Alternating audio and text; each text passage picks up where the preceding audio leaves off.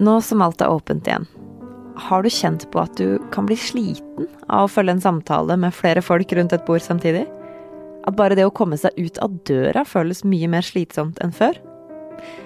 Du er ikke aleine i så fall. Og det er fordi du har fått pandemihjerne. Og den trenger litt hjelp for å håndtere gjenåpninga. Og ikke minst for å stole på den. For kan vi det nå? Er vi ferdig med pandemien? Du hører på Forklart fra Aftenposten. Jeg heter Anne Lindholm, og i dag er det mandag 21. februar.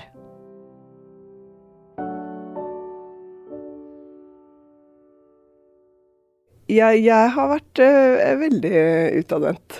Siri Leknes er hjerneforsker ved Universitetet i Oslo, og hun har passa på å nyte gjenåpninga nå, sånn som ganske mange andre har.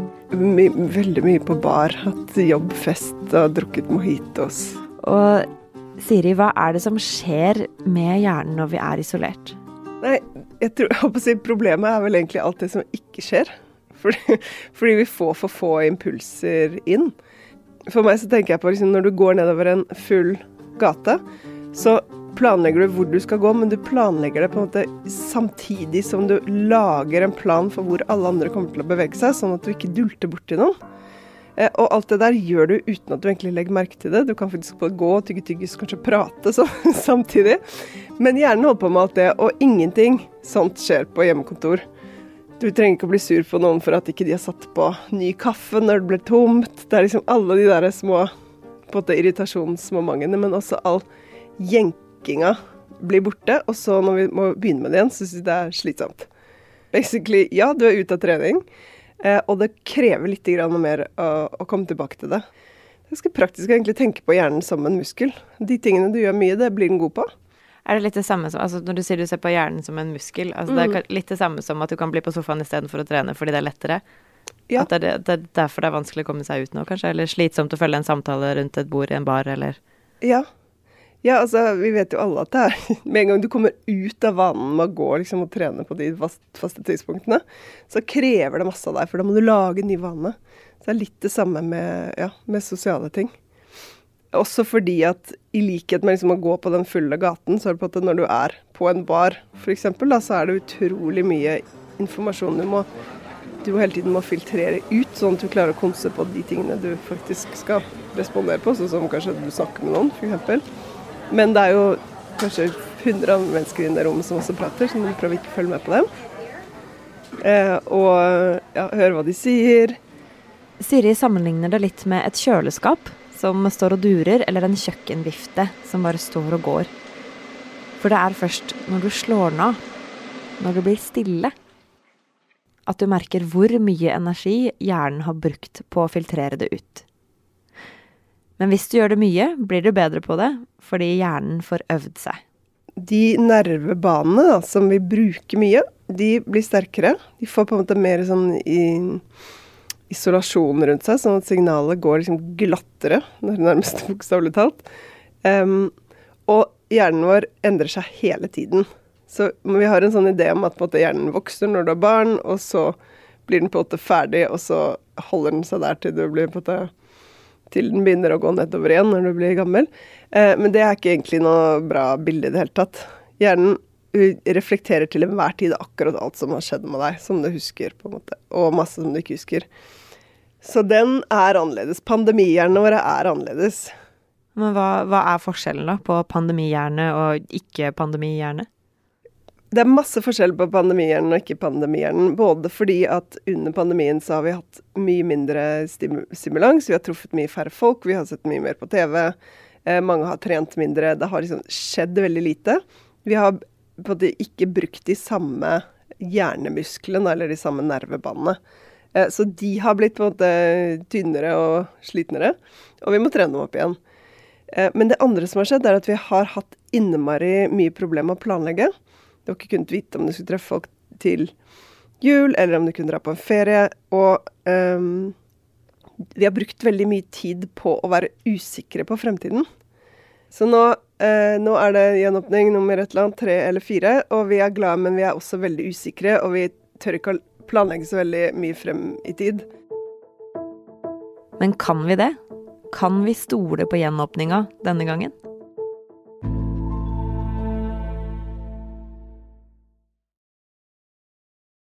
Ja, selv om det kanskje virker likt, så er det særlig én ting som gjør at denne gjenåpningen er ganske annerledes enn fra sist. Per Anders Johansen er journalist her i Aftenposten, og han nøt gjenåpninga i høst som mange andre. Nei, Uff, jeg hadde kveldsvakt den helgen, så jeg glipp av festen her i byen. Men kvelden før så hadde jeg en herlig fest på Vestlandet med noen gode kolleger. Og vi, vi spiste bacalao og spilte gitar og gaulet til langt på natt. Hvilke sanger var det de gikk i? Å nei, det var ABBA, Beatles og David Bowie og Sissel Kirkebø og Hellbilly, selvfølgelig.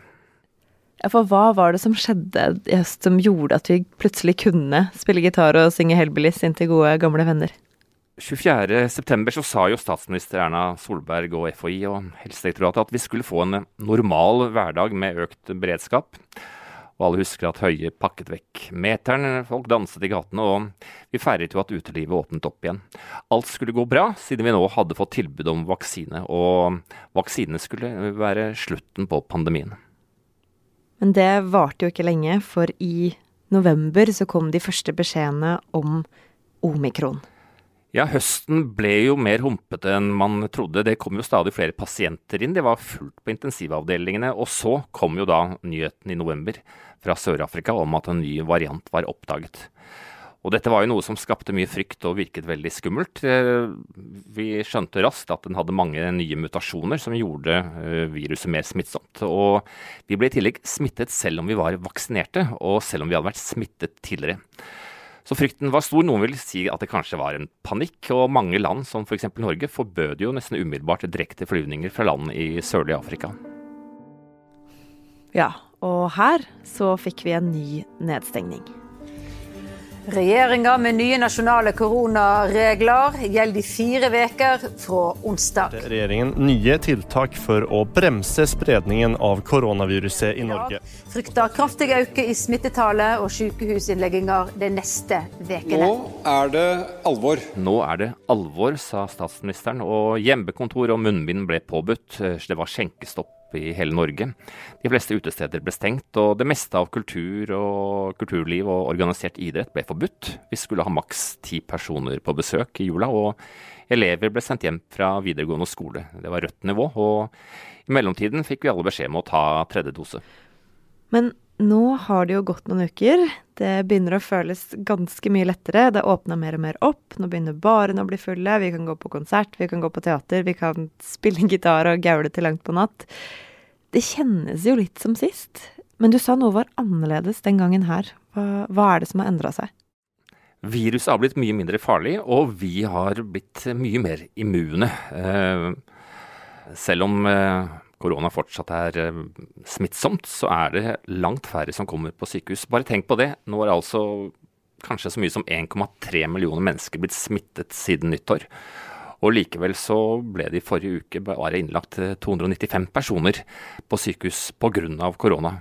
Og det var bare 14 av dem som trengte intensivbehandling. Så det er veldig gode nyheter. Men hva slags betydning har det, da? Dette kan bety at vi nå har bedre beskyttelse i lang tid fremover. Ikke nødvendigvis mot å bli smittet, for øh, vi vil nok øh, alle bli smittet flere ganger av koronaviruset i årene fremover, men øh, vi vil ikke bli alvorlig syke. Vi snakket i Aftenposten f.eks. med en av de fremste forskerne på dette i verden, nemlig professor Barrault, som leder geninstituttet ved universitetet College London. Og han mener jo at immunforsvaret som vi får nå, vil kjenne igjen koronaviruset i 20-30 år frem i tiden. Han er ganske sikker på at korona ikke vil kreve i nærheten av de samme strenge tiltakene, selv om vi kanskje til neste vinter kan bli bedt om å bruke munnbind igjen og følge noen enkle smitteråd. Eh, han tror at korona allerede til neste vinter er en, en av mange andre vanlige sykdommer som vi lever med. Du sa 20-30 år framover. Er det så lenge vi kan være beskytta mot sykdom? Ja, det er slik vårt immunforsvar eh, fungerer. og det, Sånn jobber det i forhold til andre sykdommer og viruser som vi, som vi møter. Eh, det er noen celler i kroppen vår som rett og slett har en hukommelse som eh, varer lenge. Og eh, dette er jo selvfølgelig noe som forskeren diskuterer, men at vi får en beskyttelse av å ha vært smittet, det er helt sikkert. Men Betyr det at vi er ferdig med pandemien, da? Nei, sykehustallene er jo fortsatt høye, og vi er ikke helt over toppen. Eh, noen tror vi er eh, rundt toppen i denne uken eller neste uke. Og mange av de svakhetene som pandemien har eh, avslørt, har vi jo ennå ikke fått gjort noe med. En av grunnene til at Norge har blitt stengt ned ved flere anledninger, er jo at intensivkapasiteten fortsatt er svak. Vi har eh, dårlige overvåkingssystemer, og helsemyndighetene vet jo fortsatt ikke hvilke enkelttiltak som egentlig virker, for ikke å snakke om hvordan det påvirker eh, samfunnet nå som vi ser at f.eks. langt eh, flere unge trenger psykiatrisk behandling. Ja, vi er jo ikke aleine i det her i Norge heller. Åssen ser det ut i resten av verden? Nei, Pandemien fortsetter jo i resten av verden. Tenk på et land som USA har jo blant de høyeste dødstallene i hele pandemien akkurat nå. Og et hovedproblem er jo at store deler av verden, eh, der er folk ikke vaksinert ennå. Og dessuten så går jo alle og lurer på når viruset vil mutere igjen. Det er det jo helt sikkert at det kommer til å gjøre, men hvordan det vil utvikle seg vet vi ennå ikke helt sikkert. og det eneste som er klart, er at denne nye varianten må kunne utkonkurrere den som dominerer i dag. Men er det noe fare for at den eventuelt kommer til å være mer farlig eller gi en mer alvorlig sykdom enn det omikron gjør? Jeg tror ikke det, og begrunnelsen for det, og det mener også mange forskere, er jo at for å bli dominerende, så må den altså være mer smittsom. Den må kunne smitte lett. Og, og virus som, eh, som påfører altfor alvorlig sykdom, kan jo, eh, kan jo gjøre det vanskeligere å smitte. Men eh, en, eh, en sykdom som influensa f.eks. ser vi er omtrent like eh, alvorlig nå som den var for ti år siden, eh, eller før den tid. Eh, den bare endrer seg litt. Så dette blir eh, spennende å se. Men det viktigste er at vi nå har altså en mye bedre beskyttelse, og det vil være til stor hjelp. Ja, så alt i alt da så ser det ut som vi kan stole litt mer på den gjenåpninga her, og slappe litt mer av enn ved den forrige. Ja, jeg er ganske sikker på at vi kan slappe av mer fremover. Og tallene vi har fått på bordet nå over sykehusinnleggelser, er, de er veldig gode nyheter. Men det er jo fortsatt noen som vil gå rundt og være redde. Vi ser av befolkningsundersøkelsen at omtrent 17 eh, av oss fortsatt er eh, bekymret for å bli smittet. Og omtrent halvparten av oss er jo bekymret for å smitte eh, besteforeldre eller andre vi kjenner som har alvorlige underliggende sykdommer, eller som kanskje ikke da er beskyttet. Så det vil bli litt sprekk i feltet fremover, men jeg syns vi har eh, gode grunner til å slappe av nå og, og nyte den friheten vi har fått tilbake.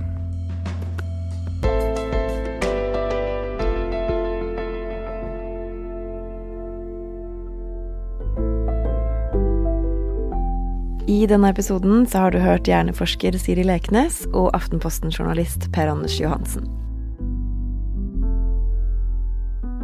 Det er Jenny Førland og jeg, Anne Lindholm, som har lagd episoden.